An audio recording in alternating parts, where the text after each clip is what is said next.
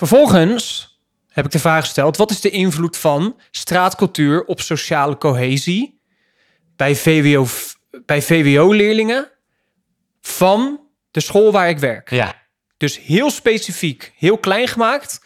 En toen wist hij het niet. nee. Want dan kreeg, toen kregen we een antwoord eh, waarin ChatGPT eh schreef: Het is moeilijk om hier antwoord op te geven omdat ik de groep eh, en de context niet ken. Ja, En toen dacht ik: Oké, dit is het antwoord. ja.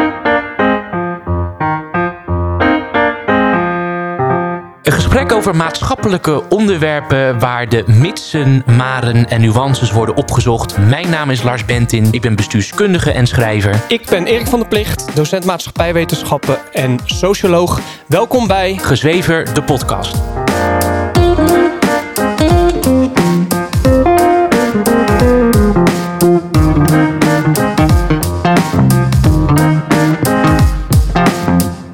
Goedemorgen, dames en heren, bij een nieuwe aflevering van Gezwever, de podcast. Goedemorgen. Goedemorgen. Eh, we zijn er een tijdje tussenuit geweest, want het was natuurlijk kerstreces. En we gaan eh, beginnen aan het eh, derde seizoen alweer. Zeker, We zijn er zeker. bijna weer een, een jaar bezig. We zijn nu bij het derde seizoen aangekomen. En onze eerste aflevering gaat over een redelijk nieuw fenomeen. Dat is namelijk ChatGPT. Ehm, en natuurlijk AI, wat tegenwoordig heel veel eh, gebruikt wordt. ehm, wordt bejubeld. Er zijn ook zorgen over. En eh, waarom we het hierover gaan hebben, is omdat ik vanmorgen een NOS-artikel las over docenten, eh, over leerlingen die aangeven dat ze en masse dus ChatGPT gebruiken om hun huiswerk te maken, essays te schrijven, werkstukken en noem maar op. Ehm, en dat het opkomend is en dat dat in principe inhoudelijk gevaar kan vormen voor het onderwijs. En dat docenten ook niet goed weten hoe ze daarmee om moeten gaan. Ja, Dus ehm, eigenlijk is mijn eerste vraag, omdat je natuurlijk docent bent. Hoe, hoe kijk je aan tegen, tegen zoiets als chat, eh, ChatGPT en invloed daarop eh, op het onderwijs wat jij dan geeft? ja ik heb daar wel, eh, wel even over nagedacht de afgelopen tijd. En ik ben tot de conclusie gekomen dat ik het eigenlijk een zeer positieve ontwikkeling vind. Waarom? Ik vind het. eh, Waarom vind. eh, Laat eerst maar beginnen. Waarom zou het niet een positieve ontwikkeling zijn? Omdat leerlingen teksten kunnen genereren die eh, inhoudelijk correcte informatie bevatten, zonder daar ook maar enigszins zelf iets voor te hoeven doen. Dus hoeven er niet over na te denken, ze hoeven het ook niet zelf te schrijven. Maar juist daarom is het nu mogelijk met zo'n middel als ChatGPT om op veel hogere denkvaardigheden te gaan toetsen. Dus eigenlijk kan nu alles wat voor de hand ligt, kan worden gegenereerd door ChatGPT, door die AI. Ja, We hebben er net naar gekeken. We hebben net, eh, gaan we straks ook met onze luisteraars delen. We hebben gekeken wat voor antwoorden geeft ChatGPT nou op vragen. En Chat- ChatGPT is heel goed in voor de hand liggende antwoorden Ja. formuleren. ja, Hele abstracte, voor de hand liggende antwoorden. Ik vind dus dat het daarom een positieve ontwikkeling is, omdat, ik, omdat het nu hebben de leerlingen dus eigenlijk de meest voor de hand liggende informatie tot hun beschikking. En dan kunnen we nu gaan toetsen op veel hogere denkvaardigheden en op echt begrip, op echt inzicht. ja. Maar je ziet natuurlijk wel dat, eh, daar hebben we het al vaker over gehad, dat onderwijs veel meer eh, zich is gaan richten op eh, het reproduceren van kennis. Dus ehm, daarom vinden veel mensen natuurlijk nu een, een, een, bedreiging, omdat ook omdat er zoveel leerlingen zijn, docenten ook eh, genoodzaakt zijn om les te geven in reproduceerbare kennis. Om rijtjes te leren of eh, ehm, algemene vragen te stellen. En niet meer zich echt te richten op inzicht. Als we bijvoorbeeld kijken naar eh, bij ons op de universiteit was het natuurlijk ook eh, een ding. En dat is natuurlijk een andere vorm van onderwijs, dat snap ik. Maar konden wij gewoon de PowerPoint leren om het repro- te reproduceren. En dan konden wij gewoon de toetsen maken. Ja, Ehm, dus ik begrijp heel erg goed dat het juist een kans biedt eh, om dus hoger onderwijs te geven, hoge kwaliteit van onderwijs. De hele, ons hele onderwijs is eigenlijk best wel ingericht op het reproduceren van kennis en van rijtjes. Dus is- bestaat de kans niet dat ons hele onderwijs nu weer omgegooid moet worden ehm, om ons dus meer te richten op inzichtvragen.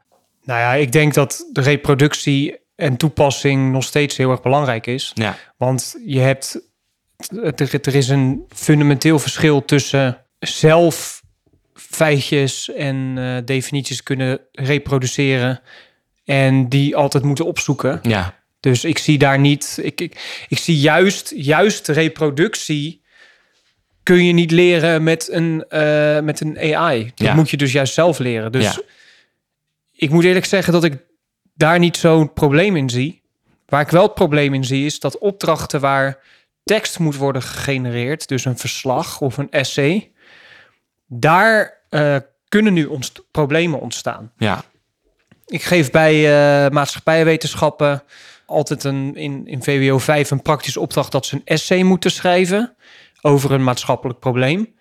En een sociaal-wetenschappelijk onderzoek moeten opzetten. ja, Een simpel sociaal-wetenschappelijk onderzoek. En daar moeten ze onder andere ook een theoretisch kader eh, maken. Daar kunnen, en dat zijn dus teksten die moeten worden gegenereerd. En daar kunnen wel kunnen problemen ontstaan als je het als docent niet goed aanpakt. ja, En, Ja. en dat is dus wat ik bedoel. Het is de, de tijd is nu dus voorbij dat generieke teksten die leerlingen genereren omdat ze het in eigen omdat ze informatie die ze of niet eens informatie, data die ze op internet vinden in eigen woorden formuleren. ja, Dat we dus generieke teksten accepteren die door leerlingen zijn geschreven. Die tijd is voorbij. ja, Want die generieke teksten kun je nu laten, gewoon simpelweg laten genereren door een AI. ja, Dus daar moeten we voorbij. En ik zie dus eigenlijk alleen maar een mogelijkheid om hogere eisen te gaan stellen aan leerlingen. ja. En, en, hoe, eh, en hoe zouden die eisen dan vormgegeven moeten worden? Hoe kan je bijvoorbeeld eh, in zo'n vraag eh, ervoor zorgen dat leerlingen alsnog zelf die vragen moeten beantwoorden? Want we hebben bijvoorbeeld net die vraag gesteld aan die Ja, chat nou ja, eh, wat-. We bijvoorbeeld, we hebben net, we hebben net gekeken naar. ehm, we gingen het testen. We zijn zo'n zo'n half uur bezig geweest.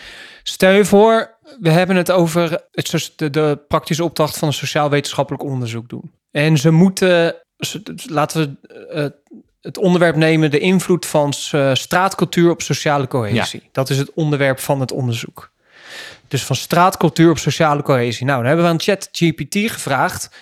Wat is de invloed van straatcultuur op sociale cohesie? Ja, Dat is natuurlijk geen goede onderzoeksvraag, maar dat is wel een vraag waar je mee kunt beginnen. Dat is een hele abstracte eh, vraag. ja, En dan krijg je dus ook eigenlijk een heel abstract antwoord van ChatGPT. Dus wat hij doet is, eh, nou, straatcultuur kan cohesie van die straatcultuurgroepen verhogen, maar het kan ook tussen groepen cohesie verlagen enzovoort. Wat, wat allemaal correct is, wat allemaal klopt, maar het is natuurlijk heel abstract. ja, Dat had je ook gewoon kunnen vinden als je in Google had ingetikt. Wat is de invloed van... eh, ja, Vervolgens zijn we het gaan specificeren. Oké, wat is de invloed van straatcultuur op de sociale cohesie op school? ja, En dan krijg je eigenlijk min of meer hetzelfde antwoord, maar dat hij dan af en toe school er tussendoor, Ja. tussendoor eh, fietst.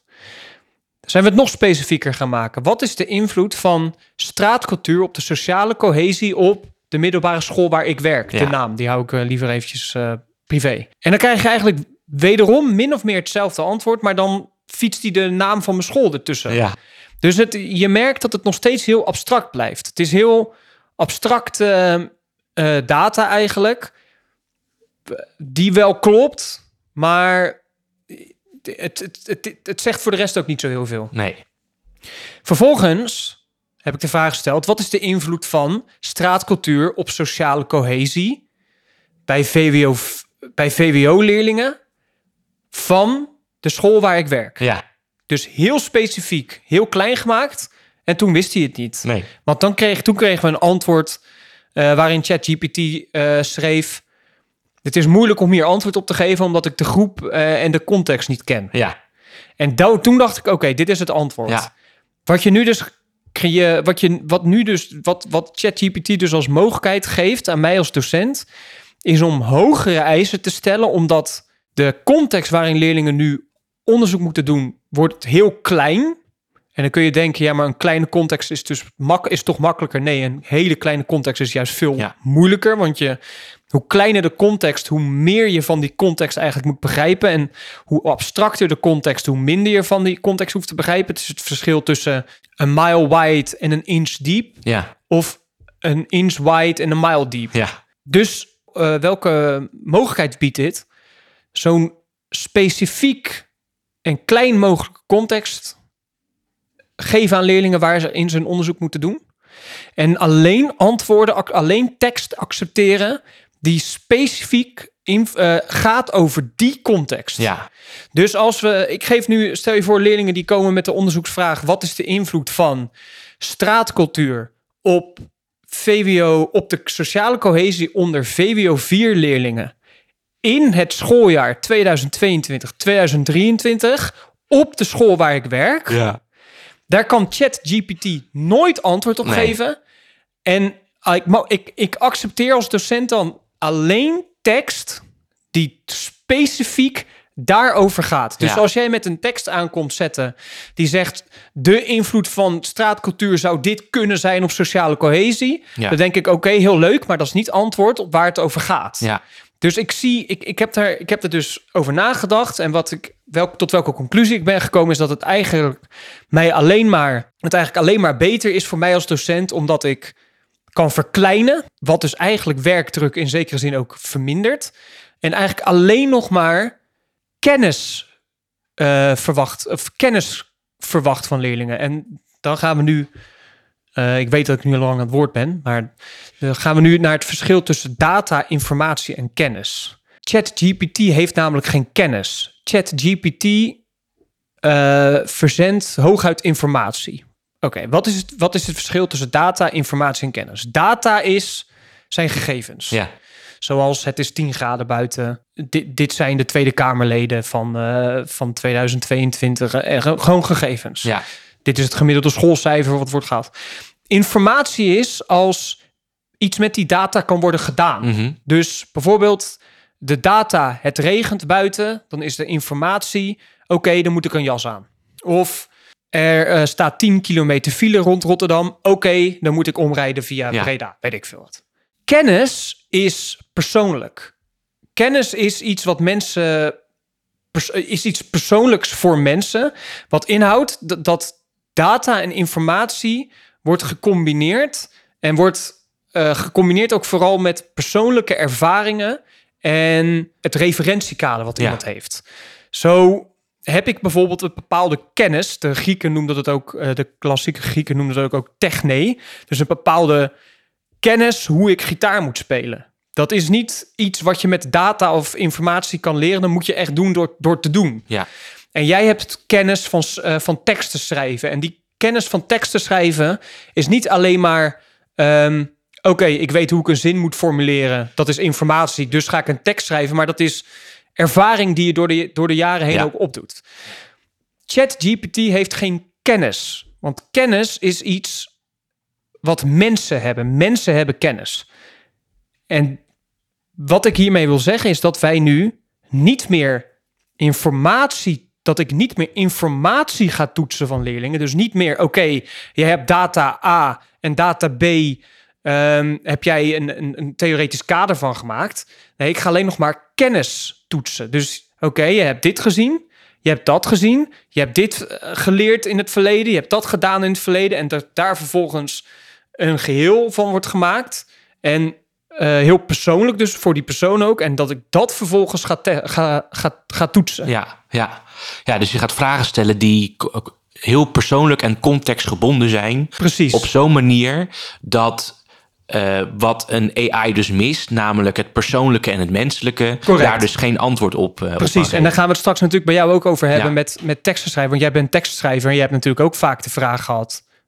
ehm, wat gaat dit voor, jou, voor jouw werk betekenen? Maar precies. Dus, en dat is dus zo'n voorbeeld als... eh, ik, heb, ik heb het nu als het over het voorbeeld van het wetenschappelijk onderzoek. Mhm. Maar stel je voor, ze moeten een essay schrijven. Ja, tot, tot de komst van ChatGPT accepteerde ik nog onderwerpen als eh, het verschil, of tenminste het verschil qua salaris van mannen- en vrouwenvoetbal. Dat is een onder- onderwerp, gaat over ongelijkheid. ja, En de afgelopen twee jaar hebben, twee leerlingen daar een, essay over geschreven. Nou, dat hebben we net gekeken in, ehm in ja, ChatGPT. ja, Want ze moeten namelijk dat essay vanuit een bepaald sociaal-wetenschappelijk paradigma schrijven. ja. Dus ik zeg tegen ChatGPT: schrijf een essay van drie alinea's over vrouwenvoetbal vanuit het functionalisme paradigma. Ja, Nou, en dan kreeg ik vervolgens tekst.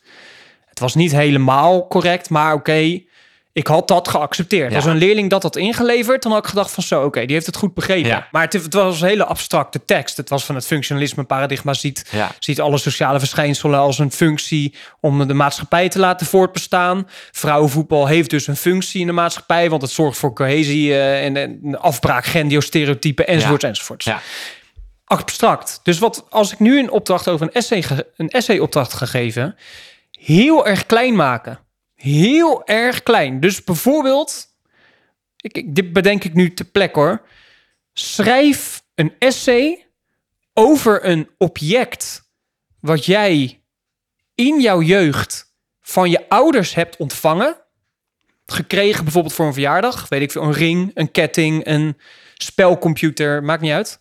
Maak daar een foto van en schrijf over dit, dit object, dat heel erg contextgebonden is, een essay van 800 woorden, hoe dit object past in jouw ehm, referentiekader, de kennis die jij door je leven hebt opgebouwd, ja. en analyseer dat vanuit eh, twee van de vier paradigma's. Ja, Het is heel erg ja, context en persoonsgebonden. En daar kan ChatGPT helemaal niks mee. Nee. Want ChatGPT weet niet welke invloed dit artefact op Ja, jouw leven klopt, heeft gehad. ja. En ook wat dit bijvoorbeeld zegt. Want wat ik dan bijvoorbeeld ook nog daarbij zou toevoegen is...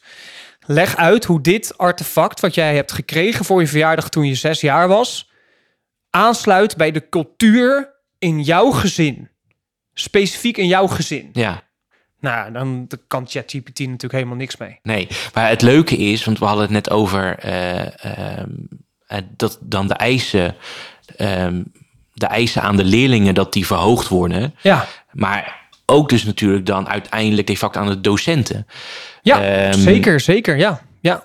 Want we hebben het ook wel vaker over gehad dat er ook genoeg docenten zijn die nou, vrij abstract en contextloos eh, vragen kunnen, kunnen stellen. Ehm, en daar heb je terecht eh, eh, kritiek op natuurlijk.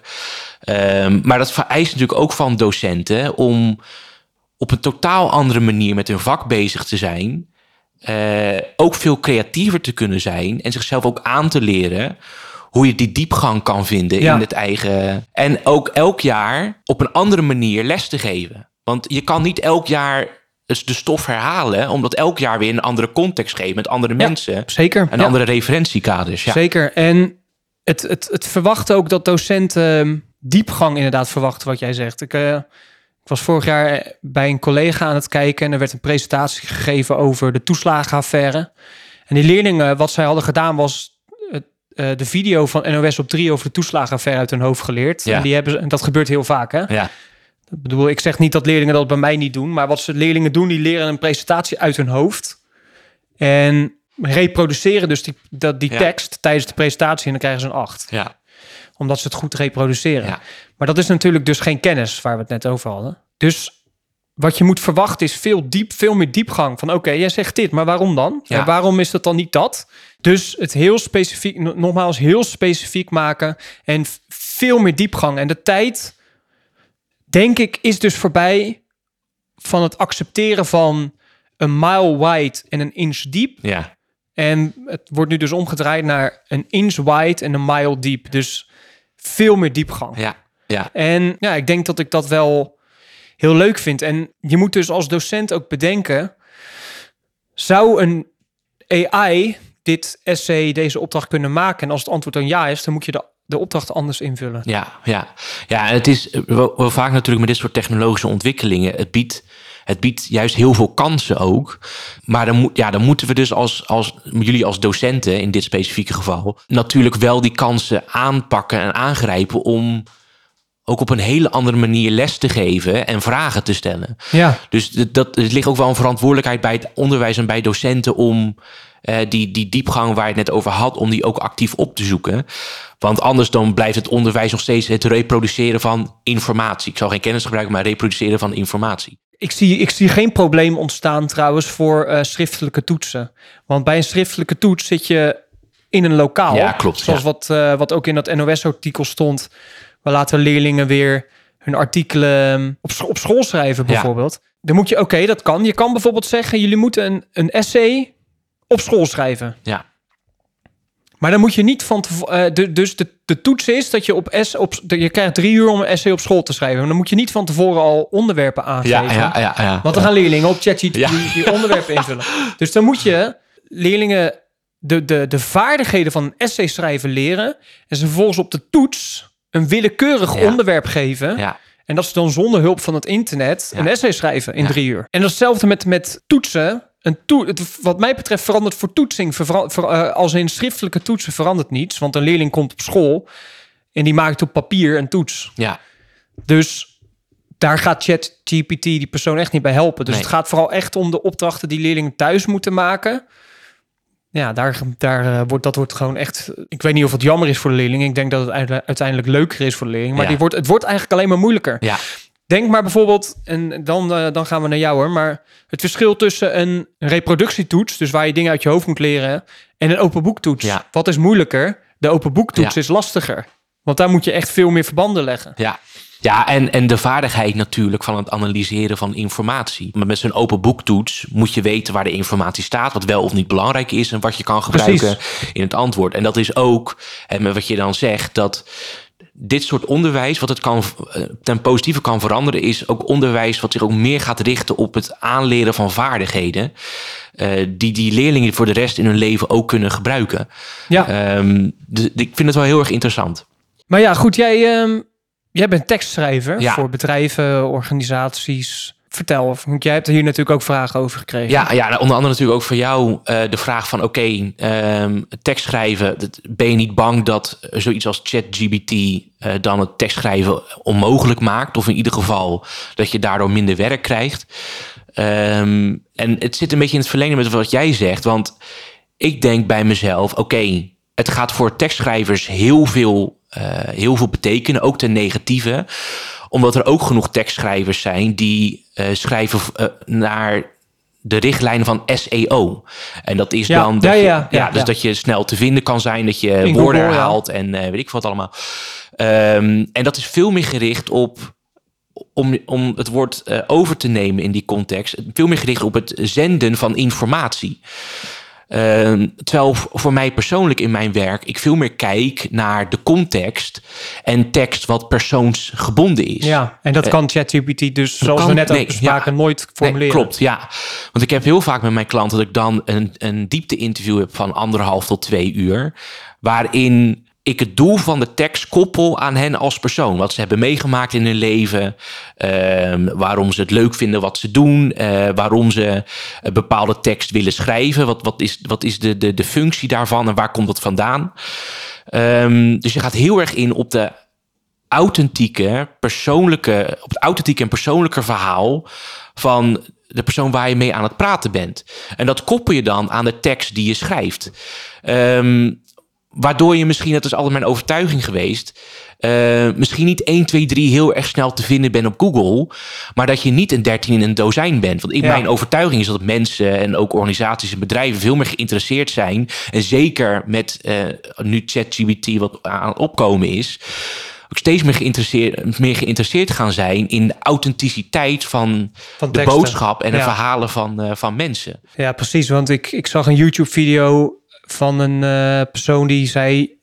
Die had, die had tien bedrijfsideeën wat je zou kunnen doen met eh, ChatGPT. En dan liet hij ook een voorbeeld zien van een bedrijf online. Een website waar je teksten kunt laten eh, produceren voor jouw eh, website. Ja, En dus inderdaad heel erg gericht op SEO, dus vindbaarheid in Google. ja, En ik kan me wel voorstellen dat er bedrijven zijn die dat willen. ja. Bijvoorbeeld als jij een dropshipping doet of zo. Je hebt twintig verschillende dropshipping eh, bedrijf, bedrijfjes. Waar, je, waar het niet gaat om de authenticiteit van je tekst. Maar om zo goed mogelijk gevonden te worden. Ja, Ja, dan ga je natuurlijk zo'n tool gebruiken. ja, eh, zoals ChatGPT. Maar in de gevallen die jij, de klanten die jij hebt. eh, bijvoorbeeld een architect heb je gehad. eh, makelaar, advocaat. makelaar, advocaat. Die willen teksten, he- hele persoonlijke Ja, teksten. klopt, ja. Dat zijn ook vaak eenmansbedrijven. Voor mij Ja. het alleen maar eenmansbedrijven. waar je me, Vrijwel alleen maar eenmansbedrijven. ja, die willen niet zo'n zo'n niet-zeggende tekst. Nee, nee. Want als ik zo'n niet-zeggende tekst zie bij... Kijk, waarom zou ik naar een eenmansmakelaar gaan? Een makelaar die een eenmansbedrijf heeft... voor zijn persoon. En de kennis dus die hij heeft. Ja. De kennis. Ja, Als ik zijn website open en ik zie een, niet, een abstracte, niet-zeggende tekst... Ja. dan ga ik weg. ja, tuurlijk. Dus het creëert eigenlijk voor jou wat dat betreft alleen maar het, een niche. Ja. Misschien wel in zekere zin. En je, je houdt eigenlijk het soort klanten over wat je ook wil. Ja, nee, klopt. Maar ik, ik denk ook over het algemeen. Kijk, dit, het zijn natuurlijk ook vaak ondernemers in, in met een, een, een ja, wat ik dat noem, een, een professie. Eh, wat heel erg persoonlijk en intermenselijk is. Ja. Zo'n makelaar die moet dus mensen naar een huis brengen. Ja. En dat is een hele persoonlijke belevenis. Advocaat ook, die werkt natuurlijk ook alleen maar met mensen. Ja, precies. Eh, architect ook. Het bouwen van, van je droomhuis, eh, om maar heel erg theatraal te verwoorden. Dus het zijn hele menselijke, hele menselijke functies. Maar ja, en, en dat is dus, een, om je even te onderbreken, dat is dus weer die kennis. Zij Ja, hebben klopt. kennis. ja, Zij incorporeren hun emoties, hun, hun levenservaring. Die incorporeren zij in de informatie over bijvoorbeeld een, een makelaar over de huizenmarkt die ze hebben. ja, En dat is dus kennis. ja, En dan, en dat is dus bijvoorbeeld ook dat een echtpaar, een net getrouwd echtpaar naar jou toe komt. En dat jij als makelaar dus de kennis hebt van oké, ik heb deze huizen.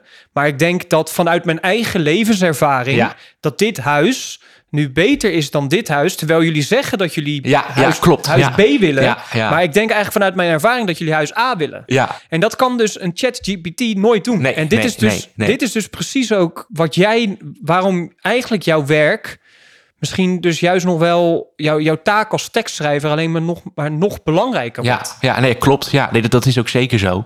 Eh, niet te veel om, om eh, deze aflevering een soort reclame van mijn eigen bedrijf te laten zijn.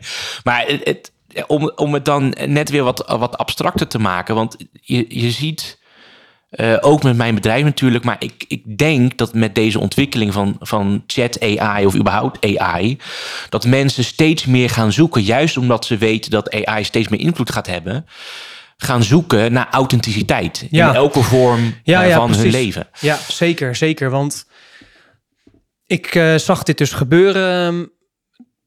Het werd net openbaar gemaakt, eh, net voor de kerstvakantie volgens mij. Ik heb er een beetje mee, eh, mee ge- gechat. En ik ben er eigenlijk ook wel heel snel achter dat ik het... Ik vind het ongelooflijk saai. Ik vind de antwoorden die ChatGPT geeft zeer saai. Ja, En kijk, ik heb natuurlijk kennis van sociologie en van maatschappijwetenschappen. Dus de antwoorden die die geeft, denk ik van ja, dit klopt, maar dit staat ook zo in het schoolboek. Ja. Weet je wel? Dus het, het, is, het, het levert voor mij. Ik denk niet dat dit echt nieuwe inzichten voor mij gaat opleveren. nee. Ik heb ook een eh, professor op YouTube gezien en hij zegt ook van als ik als ik ChatGPT vraag een analyse te schrijven over Shakespeare, over de de rol van de held in de verhalen van Shakespeare, dan Ja. geeft ChatGPT wel een antwoord, maar het is niet het is niet het levert niet echt nieuwe inzichten Nee. op. Weet je, ik wist het allemaal. En als je echt diepgang, dat, dat, dat mis je dus. En dat Ja. is dus, ik heb nu met ChatGPT gechat. Ik vind het saai en ik ga het ook, ik ga het ook niet gebruiken. Nee, nee. Ik vind het gewoon simpelweg niet leuk. Ja, Het is niet authentiek. En dat is dus wat jij net zei. Ja. Leuk dat het bestaat. Maar het levert, wat, wat het eigenlijk in zekere zin voor mij dus oplevert, is. Het neemt alle ruis van in, inauthenticiteit. En er is nu dus een AI die kan heel erg inauthentiek zijn. En dat laten we lekker aan die AI over. ja. Dan kunnen wij weer. eh, Focus op de leuke en belangrijke dingen. ja, Ja, ja, klopt. Ja. Het, eh, heb je nu ook het idee, eh, eh, want daar ben ik wel benieuwd naar, heb je nu ook het idee, want vandaag heb je dan een aantal vragen gesteld aan eh, eh, ChatGPT, dat je in het onderwijs in de toekomst ook nu je gaat aan, tenminste het onderwijs wat je geeft gaat aanpassen? De vragen die je gaat stellen, de toetsen die je geeft of... Nou, dat, zoals ik al zei, de schriftelijke toetsen niet. Want daar moet een leerling simpelweg kunnen reproduceren en toepassen. Ja, En begrijpen. Zonder dat je het begrijpt, ga je die toetsvraag niet goed beantwoorden. Nee. Wat er wel voor mij verandert, is de praktische opdrachten die ik geef. ja, Dat gaat veranderen. En daar kan ik dus nu veel, zoals ik al heb gezegd, veel spe- specifiekere contexten en veel hogere denkvaardigheden vragen. ja. Dat ja. ze, nu moeten ze die, als ze zo'n praktische opdracht inleveren, echt begrijpen waar ze het over hebben. Ja, En dat is de hoogste, eh, de hoogste denkva- denkvaardigheid. ja. Eh, ik, ik denk dat het een goede afsluiter is voor het, eh, voor het onderwerp. Eh, ik vond het heel erg interessant. Zeker het, aspe- het verschil tussen data, informatie en, en kennis. Dat, dat geeft wel echt wel heel goed weer waarom zo'n ChatGPT ehm, wel dingen gaat veranderen, maar ook ten positieve kan gaan eh, Ja. veranderen. Ja, en, en dus ook, dat legt dus ook uit waarom ChatGPT saai is. Ja. Want ChatGPT heeft geen persoonlijkheid. Nee, nee. En dus geen kennis. Nee, nee, klopt. Dus ik, ik eh, bedankt. Ja, Ehm, jij ook. Volgende week eh, weer een andere aflevering. Zeker. En eh, ik wens de, de luisteraars een, een hele fijne dag. Hetzelfde. Jojo. Hoi.